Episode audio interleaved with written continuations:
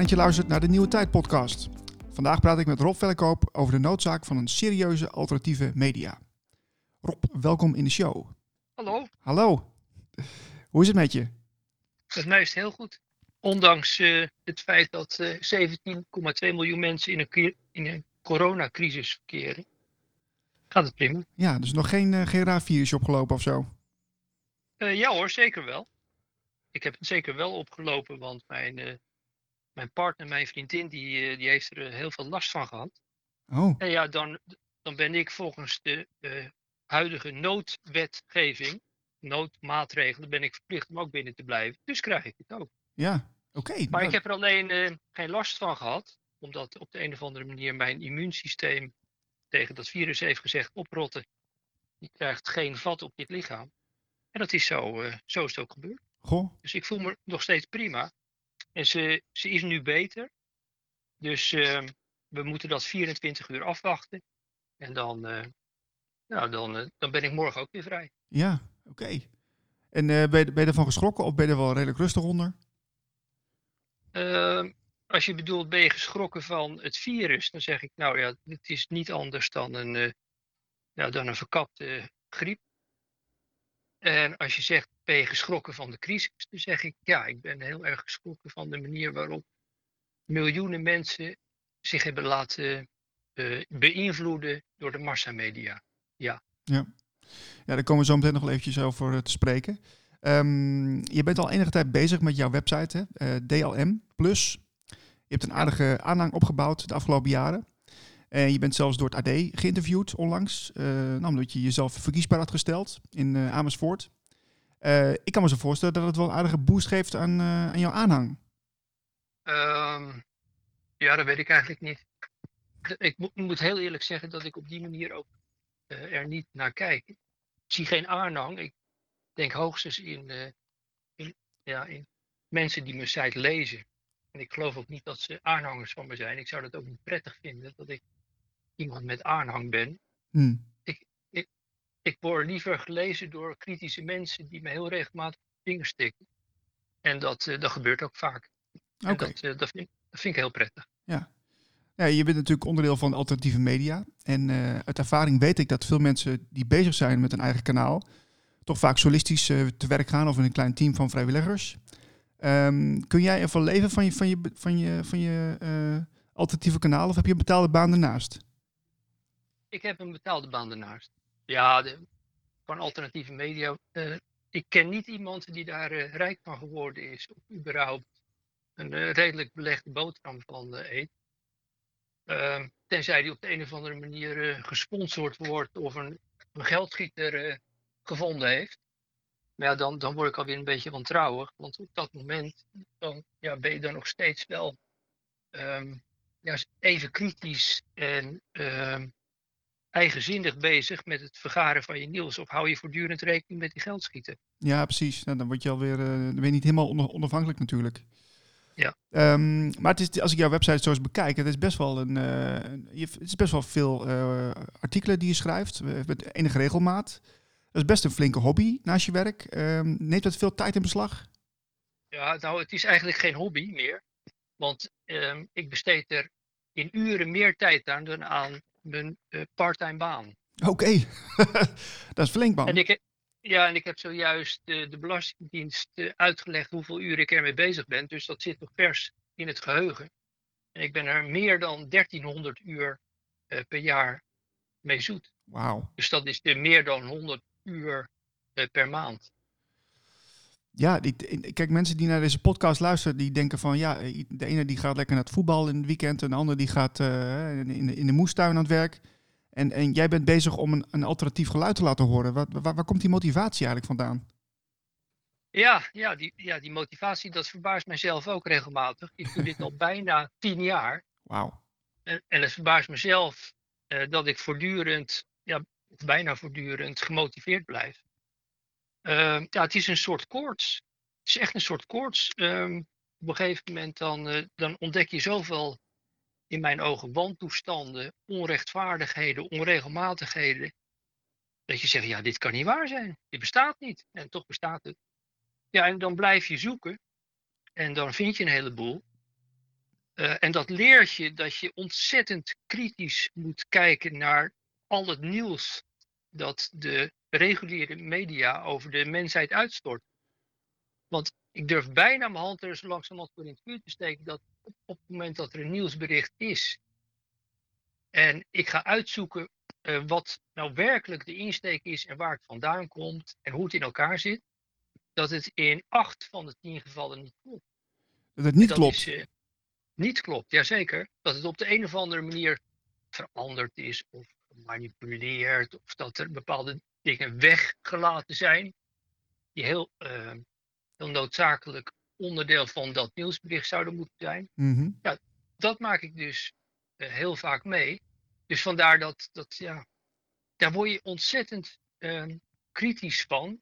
Of ik ben heel kritisch, maar daar word je eigenlijk heel erg wantrouwig door. Ja. Dat is dan wel jammer. Nee, ik nodig ook wel eens mensen uit om, uh, om eens een keertje naar een website te gaan als Russia Today bijvoorbeeld. En, en vergelijk dat eens met uh, wat de NOS bijvoorbeeld uitzendt. Uh, ja. En nou, ik ga daar eens even kijken van wat, wat, wat er in die berichten dan verschilt. Hè? Want er, wordt gewoon, er worden natuurlijk gewoon dingen weggelaten, gecensureerd. Ja, over, over en weer hoor, moet ik zeggen. Ja, dat is van dus, beide kanten, ja, ja. Ja, dus wat Russia Today naar buiten brengt, dat, dat ja, zij laten ook nieuws weg, absoluut. Ja. He, dat, dat, dat zijn twee machtsblokken tegenover elkaar. Het aardige alleen is dat wat onze partij weglaat en Russia Today meldt, dat is dan vaak voor ons weer een ingang om eens uit te gaan zoeken hoe het in elkaar zit. Mm -hmm. En dat, dat geldt over en weer. He, dus, dus op die manier um, spelen ze ons eigenlijk in de kaart. He, dus één, één van beide partijen meldt zaken die de ander per se niet wil melden. Nou, dan, dan heb je al heel wat, uh, heel wat aanleiding om weer eens wat te gaan uh, uitzoeken. Ja, maar ja, als, je, als je dit zo benoemt, dan, uh, dan, dan uh, ligt er eigenlijk gewoon een, een markt, een, een, gapend gat voor het grijpen voor de mensen die hierin geïnteresseerd zijn. Want je kunt daar dus heel mooi analyses op loslaten of je, je inzichten daarmee delen. dat doe jij ja. ongetwijfeld ook. Um, ja, zeker. Absoluut. Wa wa waarom waarom kan het dan dat um, de mainstream media dat, dat zelf dan niet doet? Want want die taak hebben ze natuurlijk zelf ook. Nou die taak hebben ze. Alleen um, het is follow the money. Hè? Daar, waar het van daar waar het geld vandaan komt, daar zou je als journalist rekening mee moeten houden. Of dat nou de overheid is of het bedrijfsleven. Je, je spreekt uh, kijk, je moet natuurlijk zorgen dat je je broodwinning niet verliest. Dus je kan degene die jouw salaris betaalt iedere maand moeilijk gaan tegenspreken. Of dingen schrijven die die persoon of die onderneming per se niet wil. En, en dat is het probleem. Ja. Dat is het pro probleem waar ook NPO mee zit. En uh, de reguliere massamedia mee zitten. De journalisten die het niet volhouden in dat, uh, in dat circus, en die spreek ik nog wel eens, die klagen er ook altijd over. Die zeggen, ja, op een gegeven moment um, kan ik het gewoon niet meer. Nee. Op een gegeven moment moet ik dingen schrijven die, die absoluut niet, niet waar zijn en niet kloppen. Gewoon omdat, uh, ja, omdat het vanwege de, de, de geldschieter uh, nodig is of omdat de overheid dat nou eenmaal zo leuk vindt. Ze zeggen, nou, ja, ik stop ermee. Dat, dat, dat, hou ik niet vol. Anderen daartegen, die, die zullen zeggen, ja kijk, ik heb ook een hypotheek om te betalen. Ik moet, ik moet zorgen dat mijn gezin overleeft. Ja, nou ja, dan kijk ik maar even de andere kant op en ik schrijf toch het artikel. Ja, ja. En dat begrijp ik ook. Dus, dus eigenlijk zeg je van uh, journalisten die al jarenlang meegaan en die daar goed hun brood mee verdienen, die, uh, ja, die, die hebben dus eigenlijk een, een hele dubbele agenda. Absoluut. En als ze geen dubbele agenda hebben of denken te hebben, dan komen ze daarachter, omdat ze dat bijvoorbeeld niet uitgezocht hebben, opzettelijk, dan komen ze daar pas achter nadat ze gepensioneerd zijn. En dan worden ze ineens ontzettend kritisch. Ja. Ook dat heb ik regelmatig gezien. Ja. ja. Oké, okay, wat, wat, ik ben even benieuwd wanneer dat moment was voor jou dat je dacht van nou, ik, uh, ik, ik, ik, kom nou achter dat het uh, allemaal zo verkeerd in elkaar zit. Nu moet ik wel iets doen, hè, de, als het gaat om de media. Uh, op een gegeven moment heb ik gewerkt met dak- en thuislozen in Nederland. En daar ben ik zo verschrikkelijk van geschrokken. Ik had, ik, ik had nooit gedacht dat het, in dat het mogelijk is in een land als Nederland. Dat je zoveel mensen hebt die zwerven over straat, die geen dak bo- boven hun hoofd hebben. En die amper eten hebben om, eh, die amper geld hebben om te eten. Mhm. Dus die gewoon honger lijden. Daar ben ik zo verschrikkelijk van geschrokken. En ook zo ontzettend boos over geworden. Dat ik zei, nou, dit moet naar buiten. En dat zijn ook de eerste dingen waar ik over ben gaan schrijven. Dat is de armoede in Nederland. En sindsdien doe ik dat nog steeds. Alleen, het is nu onderdeel geworden van een, eh, van een groter eh brei artikel. Ik schrijf er ongeveer 300 per jaar. Maar ik, ik doe dat nog steeds. 300, 300 eh, per jaar, dat is dus bijna een artikel per dag. Ja, dat, dat klopt. Dat doe ik ook. Ja, dat is veel. Maar dat is ook, Ja. eh, dat is ook te zien, want je, je, je, hebt, eh, je hebt veel productie of je hebt veel eh, artikelen die, die, die geplaatst worden. Dus dat is, dat is een compliment waard. Ehm, ja, de mainstream media, daar hadden we het net over. Ja, de, stoor jij je daar nog steeds aan of is het op een gegeven moment gaan liggen? Dat je denkt van ja, ik geloof nu wel, ik zie dat het mis is. Of, of kun je je af en toe nog wel heel erg opwinden? Nee hoor, ik kan me daar niet meer over opwinden. Ik ben daar gewoon klaar mee. Het is zoals het is. Ja. En ehm, ja, je, je kan niet met je hoofd tegen de muur blijven aanbotsen. Je doet het eh, een paar keer. En Mhm. dan denk ik, ik ben een ezel en dan hou je ermee op. ja, precies. Ja. En wat mij ook opvalt is dat er ehm, op social media, en dat is ook vaak indirect gelinkt aan de, de alternatieve media, eh, verschillende onderwerpen voorbij komen. Hè? eh, die je in de mainstream media niet of nauwelijks eh, terug ziet komen. Dan moet Ja. je denken aan het, aan het geldsysteem, aan eh, bepaalde onderwerpen van spiritualiteit, eh, verschillende machten die er zouden zijn achter de schermen. Eh, wo- worden die bewust weggelaten of, of hoe, kan het dat ze niet, niet terugkomen in de mainstream? Dan komen we eigenlijk op het verhaal. ehm, wat eigenlijk de bedoeling van de mainstream media is. Wat is nou eigenlijk de bedoeling van hun bestaan? En dat is een, ja, dat is een vraag waar ik na heel veel eh, onderzoek, na heel veel eh, lezen achtergekomen ben. Ja, en, en dan zie je gewoon dat de mainstream media, het doel van de mainstream media is niet, ehm, is niet, is niet eerlijk, is niet ehm, oprecht, maar is bedoeld als onderdeel, is eigenlijk bedoeld als een soort verkapt machtsmiddel. Hmm. Dus, dus je moet je voorstellen dat onze wereld bestuurd wordt, overheerst wordt door een hele kleine elite van, laten we zeggen, nou, een paar duizend miljardairs. Hè, die Mhm. bezitten het grootste deel van de wereld. Ja, die veel. 1% zeg maar, of minder dan 1%. Ja. Nou, ze- ja, zelfs nog minder dan 1%. Nou, een van hun, een van hun instrumenten om landen te bewegen, eh, die dingen te doen die zij graag willen. Of eh, om bevolkingsgroepen die dingen te laten doen die zij graag willen. Of een beetje onrust te stoken of om crisis te veroorzaken, want dat is heel leuk, want dan kan je weer wat met je aandelen doen. Een van de middelen daarbij is het inzetten van de media, van de massamedia. En het aardige is dat we midden in een periode zitten, in deze coronacrisis, dat die massamedia daarvoor gebruikt worden. Ik heb met ontzetting vastgesteld dat, ik weet het eigenlijk al niet meer, laten we zeggen in januari, Mhm. hè, dat, dat daar ehm, een virus uitbrak, althans zo werd het genoemd, eh, in Wuhan in China. Ja. En sindsdien is er een, is er een soort opklop ehm, gaande van de massamedia. Die kunnen, er kan geen dag voorbij gaan. Er kan bijna geen uur voorbij gaan of het wordt corona, COVID-19 of virus, COVID of weet ik veel wat, komt voorbij. Dus ze zijn bewust bezig met een, met een campagne die al enkele maanden duurt. En ja, je moet als mens toch ongelooflijk sterk in je schoenen staan. Wil je niet door de knieën gaan? Als Ja. je dat iedere avond of iedere dag over je heen krijgt, dan moet je toch op een gegeven moment gaan denken: Goh, er is zeker wat aan de hand. Ja. Sterker nog, de angst die nu heerst, die is volledig toe te schrijven aan, aan die mediacampagne. Ja, en die nou, is dus heel die is dus waanzinnig succesvol. De absoluut. mensen die smeken Rutte letterlijk of die alsjeblieft strengere maatregelen wil nemen.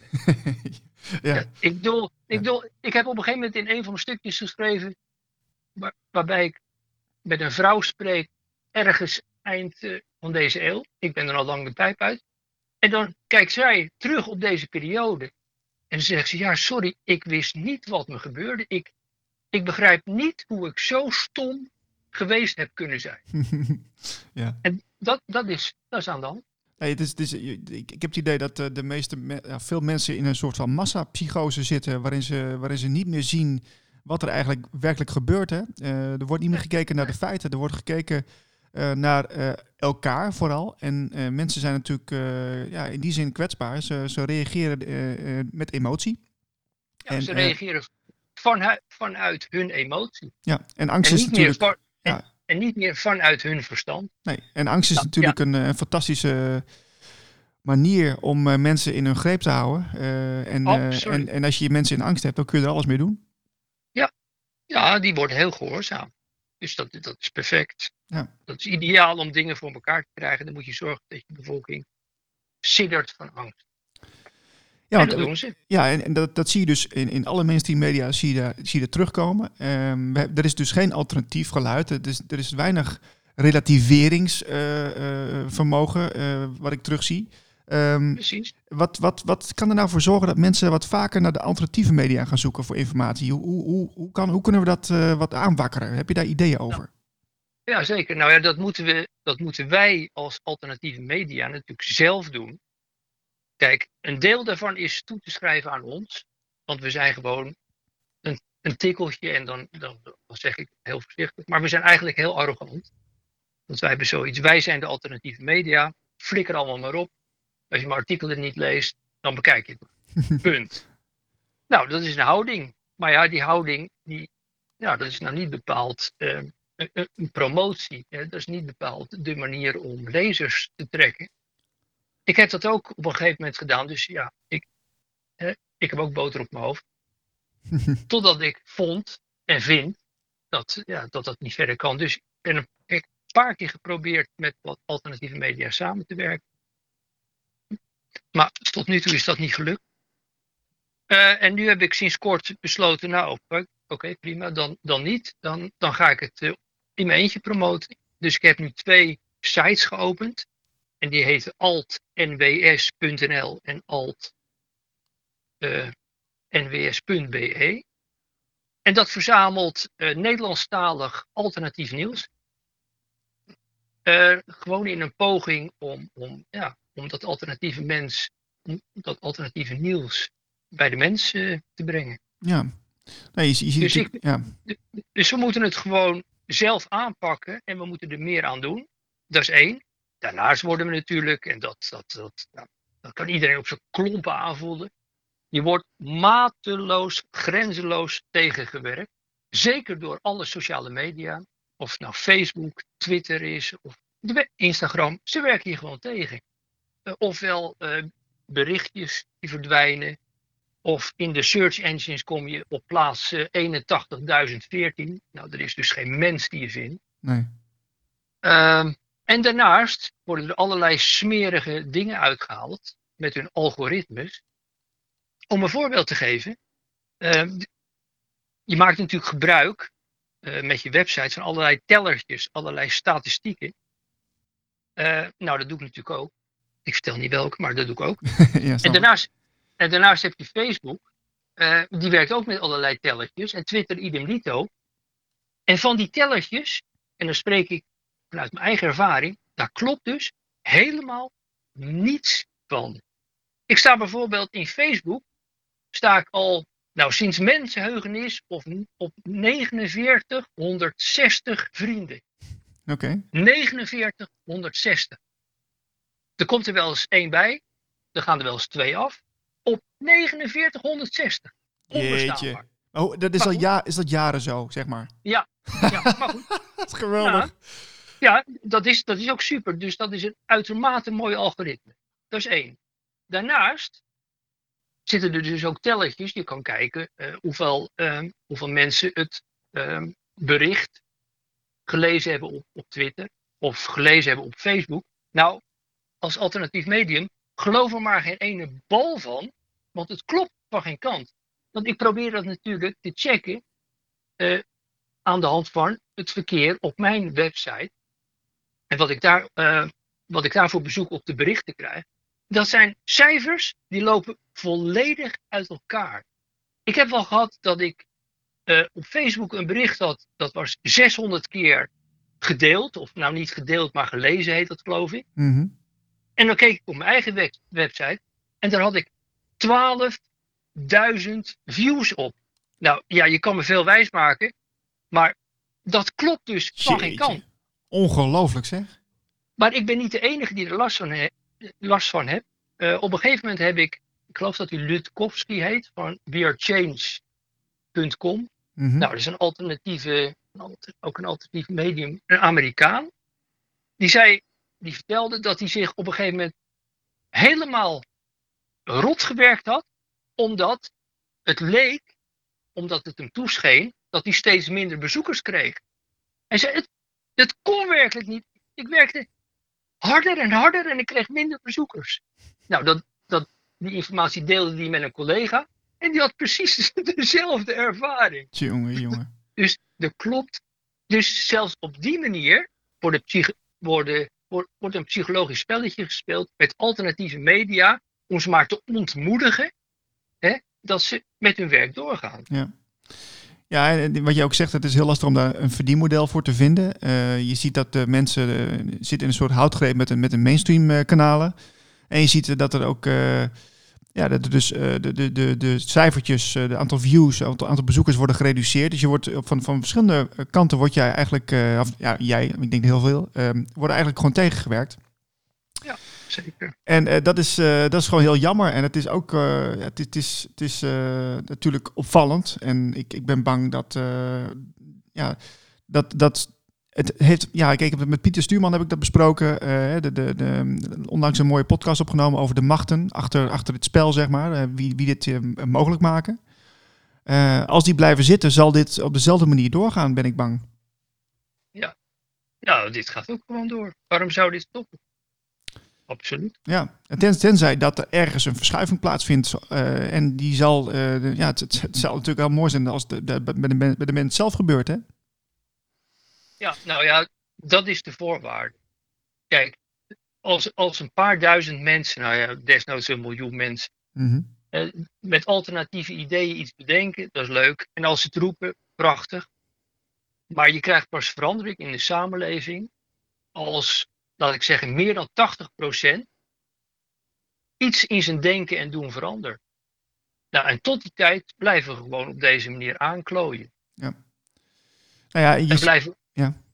en blijven accepteren dat het is zoals het is.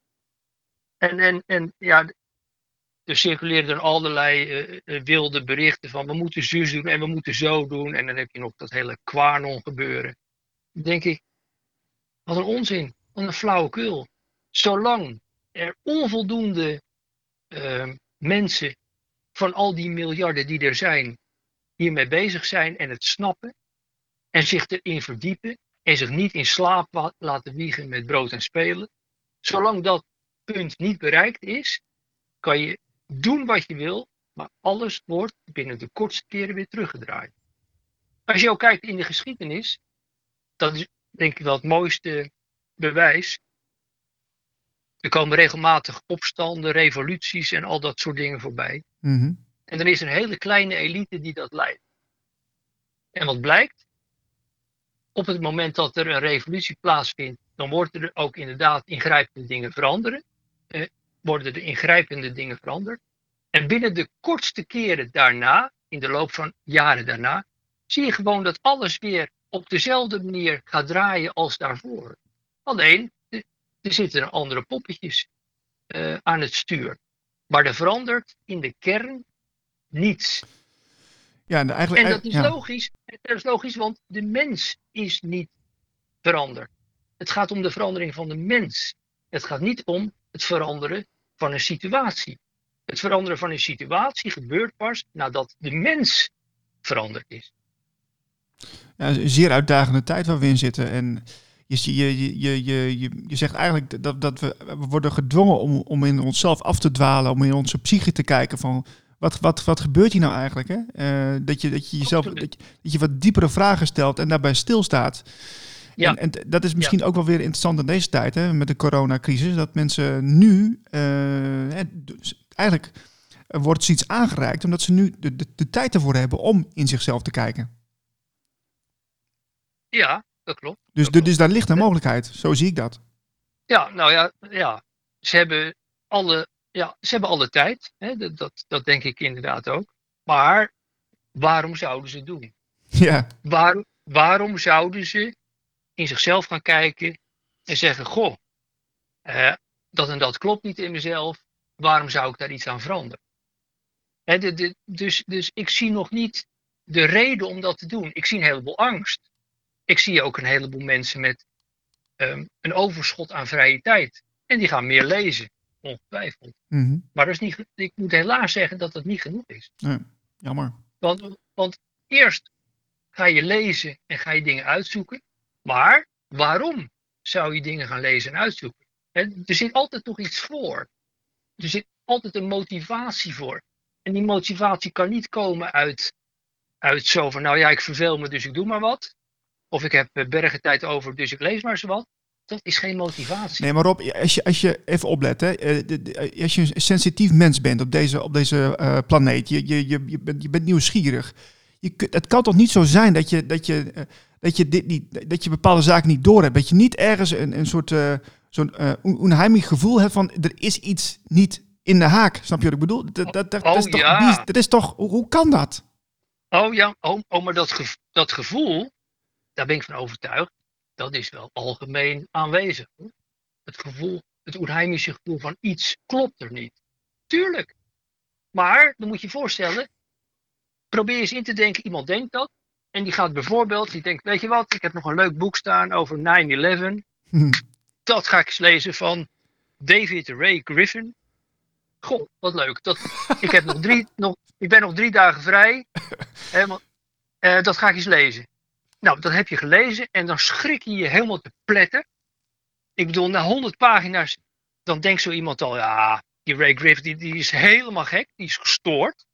Want als hij namelijk direct aanneemt wat Ray, David Ray Griffin schrijft, dan, dan, dan, valt, ja, dan valt alles onder hem vandaan. Dan kan hij eigenlijk ja, nergens meer in geloven.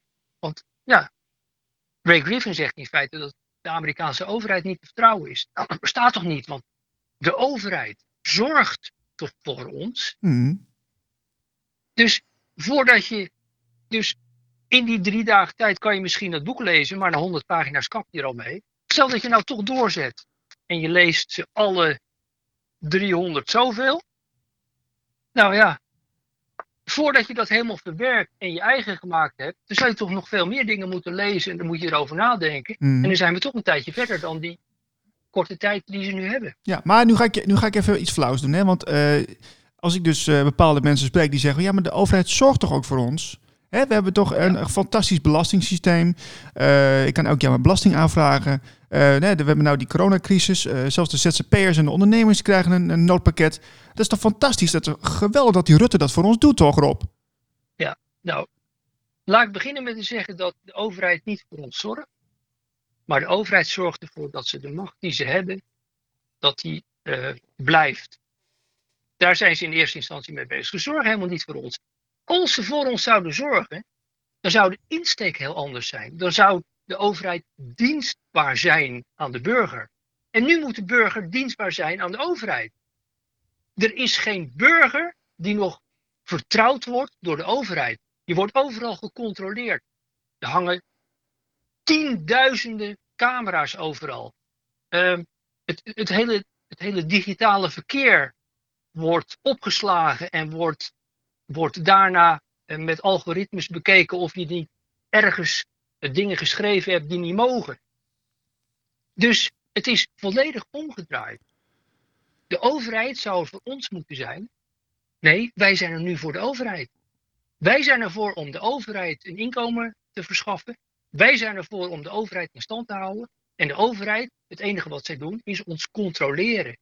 Een, een berucht voorbeeld is, is van al die mensen die die heffings, of, of al die mensen die die, die, die, eh, ehm, die, die, die toeslagen weer terug Oh ja. moeten betalen. Ja, dat was, voor, Dat kan toch niet waar zijn? nee, dat was dat vorig jaar zo'n rel, hè? Ja, ja. dat je tienduizenden mensen als overheid eh, in een apart kaartenbakje zet en ze fraudeur noemt, terwijl dat niet bewezen is. Je noemt ze gewoon fraudeur. Dus je als overheid wantrouw je de burger, terwijl je de burger juist moet verwennen. Je moet zorgen voor de burger, want dat is je taak. Mhm. Zodra dat jouw taak niet is, moet je gewoon opsodemieteren.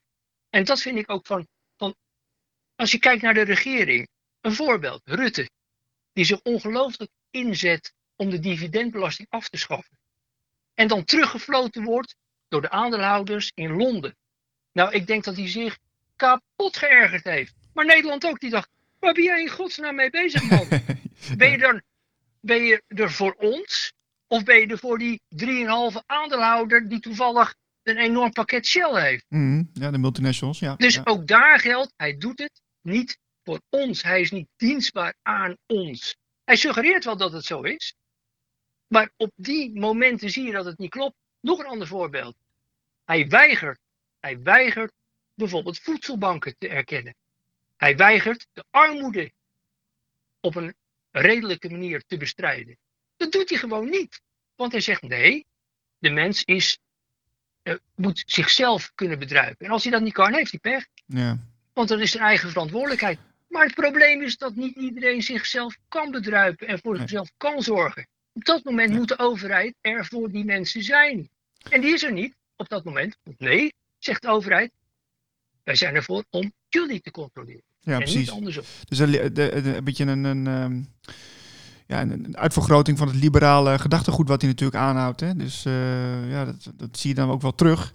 Ehm, het, is, het, is, eh, het- is inderdaad eh, wel, als je het zo bekijkt, ook wel problematisch in, de- in de media dat dat geluid wat jij nu zo hier aanhaalt, dat dat er gewoon niet is. Je ziet die, die kritische dat- noot, nee, dat is er gewoon niet. En het is echt onbegrijpelijk, hè?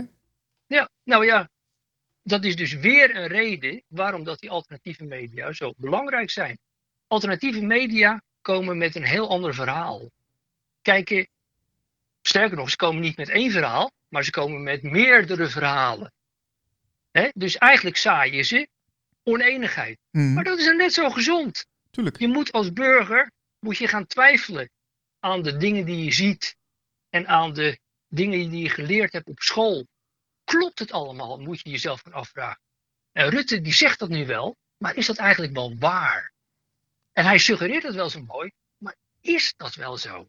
Nou, vanaf het moment dat de alternatieve media erin slagen om de burger ongerust te maken, Ehm, zodat, hij ongerust kijkt naar het journaal en denkt van ja, goh, nou, ik, ik weet het allemaal niet meer zo hoor. Mhm. Dan zijn wij geslaagd in onze opzet.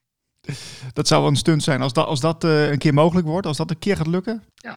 Ik, eh, ik heb ook een, een opname gedaan met eh Tilasmi Frigge van de Ommekeer. Die ken je natuurlijk ook wel. Ehm, En eh, daarin heeft hij een, ehm, eh, een interview gedaan met het NRC. En vervolgens is het interview, heeft hij dat zelf opgenomen via Facebook, een live eh, stream. En ik heb dat teruggekeken, de, de livestream van 3,5 uur. Dat is echt een lange zit, maar het was e- uiteindelijk de- echt de moeite waard. Want eh, ik heb gezien dat in die livestream van Facebook kwam een heel leuk gesprek uit eh, met hem en eh, de verslaggever van het NRC. En toen ik vervolgens een paar weken later het artikel las van het NRC, dacht ik van, oh, volgens mij heb ik naar een andere Facebook-stream zitten, zitten kijken. Nee, Rob, het is echt verschrikkelijk. Want het is, die, die, die, die man die is gewoon helemaal afgemaakt. Die is gewoon als complotdenker, als, als, als, als ja, ontkenner van een aantal zaken, eh, is hij gewoon weggezet. En als, als, ja, als, als, als complete gek eigenlijk. En eh, nou, Ja. dat, dat, je zet er een beetje een lullige foto bij en dan, dan is het weer gelukt, hè? Op een hele goedkope manier word je dus uitgerangeerd. Op een hele goedkope manier word je gewoon, krijg je gewoon een labeltje. En omdat NRC het schrijft, de kwaliteitskrant van Nederland, Mhm. zal het wel waar zijn. Ja, het is afschuwelijk. Maar ja, dan, dan krijg je ook, ja, dan krijg je ook het volgende. Want eh, nou, na enige tijd weten de mensen in alternatieve media ook hè, dat het zo gaat. Dus dan zullen ze zich ook niet zo snel meer laten interviewen. Nee, natuurlijk niet. Vandaar dat er zo, zoveel weerstand is tegen de reguliere media. Ik bedoel, op een gegeven moment dat die, eh, dat die journalist van het Algemeen Dagblad vroeg of ze dat interview wil doen, heb ik in eerste instantie gezegd: nee, ik wil dat niet. Ik heb helemaal geen zin in jullie. Mm Bekijk het maar. Waarop ze mij ging bellen en zei van, nou ja, goh, dat is eh, wel een raar antwoord. ik zei, ja, ik zeg, ik ja, wat denk je nou zelf? Ik zeg, jullie zijn gewoon niet te vertrouwen. Jullie zijn de meest onbetrouwbare gesprekspartner die je kan voorstellen. Ze zei, ja, oké, dat, dat, dat denk jij. Maar ik kan proberen het recht te zetten. Sterker nog, jij hebt eigenlijk een heel interessant verhaal.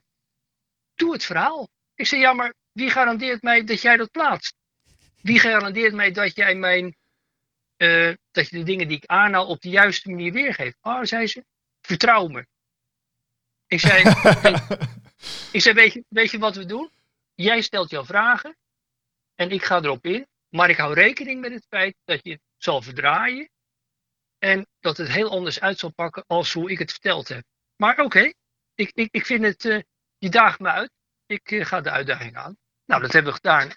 Uiteindelijk heeft ze een heel, kort, um, heel korte weerslag van het interview gedaan. Maar wat heeft ze weggelaten? Natuurlijk, hè, dat is een oude truc van de massamedia. Ze heeft weggelaten de boekhoudfraude van meer dan 300 gemeentes in Nederland. Hmm. Ja. ja. Want, zei ze, daar is onvoldoende onderzoek naar gedaan. Ik zeg, wat? Er is een, er is een registeraccountant, die is al meer dan 30 jaar hiermee bezig. Die heeft zijn baan daardoor verloren.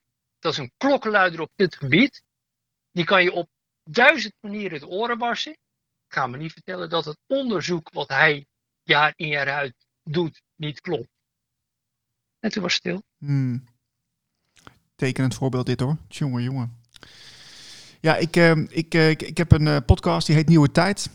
En in deze podcast gaat het er ook over. Ik ben er echt van overtuigd dat we naar nieuwe tijd toe gaan. En dus er zullen heel veel dingen veranderen. En ook het stuk van de media. Um, ik ben eigenlijk wel benieuwd wat jouw visie daarop is. een soort toekomstbeeld. Het toekomstbeeld? Nou, ik speelde heel lang met in mijn hoofd de gedachte om een soort science fiction-achtig roman te schrijven. Want ik vind het ontzettend leuk. Ik, ik heb er alleen geen tijd voor, maar ik vind hm. het is heerlijk om verhalen te schrijven. Um, zoiets als 1984, maar dan in de toekomst. En omdat ik namelijk het idee heb dat we zitten nu in een soort uh, golf, waarin de, de technologie steeds belangrijker wordt en de mens steeds meer ondergeschikt aan de technologie. En ik, ik ja, het spijt me, maar uh, ik vrees dat het voorlopig nog een hele tijd doorgaat. Uh, zeker ook als je kijkt naar de machten die ons omgeven. Kijk alleen maar naar de massamedia. Ik bedoel, die, die, die elite en die hulpmiddelen die ze hebben, die zijn zo sterk, zo krachtig. Daar kunnen we eigenlijk weinig of niks op dit moment tegen inbrengen. Het enige wat we daar tegenin zouden kunnen brengen, is uh, het fantastische vermogen dat ieder mens heeft van zijn fantasie, zijn verbeelding. Alle dingen die op aarde uh, zijn ontstaan en ontwikkeld, die zijn eigenlijk voortgekomen uit onze verbeeldingskracht. Dus op dezelfde manier kunnen we ook, dankzij die kracht, natuurlijk ook alles wat nu rottig en onrechtvaardig uh, in elkaar is gezet, hè, want dat is onze maatschappij op dit moment, Mhm. kunnen we natuurlijk ook veranderen. Wij zijn als mens in staat dat te doen. Alleen zolang we onvoldoende vertrouwen hebben in, onze, in onszelf, onvoldoende vertrouwen hebben in ons eigen kunnen, ja, gebruiken we die verbeeldingskracht en die onderlinge saamhorigheid niet en blijft het zoals het is. Duidelijk. Ik, uh, ik, vind, ik, vind, ik vind het een heel mooi betoog. maar ik denk ook dat jij. Um, uh, je we hadden het in het begin over dat, we, dat je met een hobby bezig bent, maar ik zie het eigenlijk meer als een soort strijd. Uh, ja, ja. Nou ja, strijd, ja, strijd, strijd. Ik zou eerder zeggen, het is een conflict met mezelf. Hmm. Ik heb geleerd om, uh, de, om de schuldvraag, om, om de schuld niet buiten je te leggen, maar in jezelf. Dus op het moment dat je ergens tegenaan loopt, dan is het niet die muur die de schuldige is die jou tegenhoudt. Maar je bent het zelf, want jij loopt tegen die muur aan. Moet je niet tegen die muur aan lopen, dan moet je er omheen lopen. Of je springt er overheen of je graaft er onderdoor. Hmm. En dat geldt ook voor de maatschappij op dit moment. Ja, ik kan, zoals ik al zei, ik kan nog honderd keer mijn kop eraan stoten en op een gegeven moment een hersenschudding krijgen. Of ik kan zeggen van nou ja, ik leg me er maar bij neer. Nou, en ik leg me erbij neer. Dat doe ik. En daardoor ben ik niet meer emotioneel over het hele gebeuren.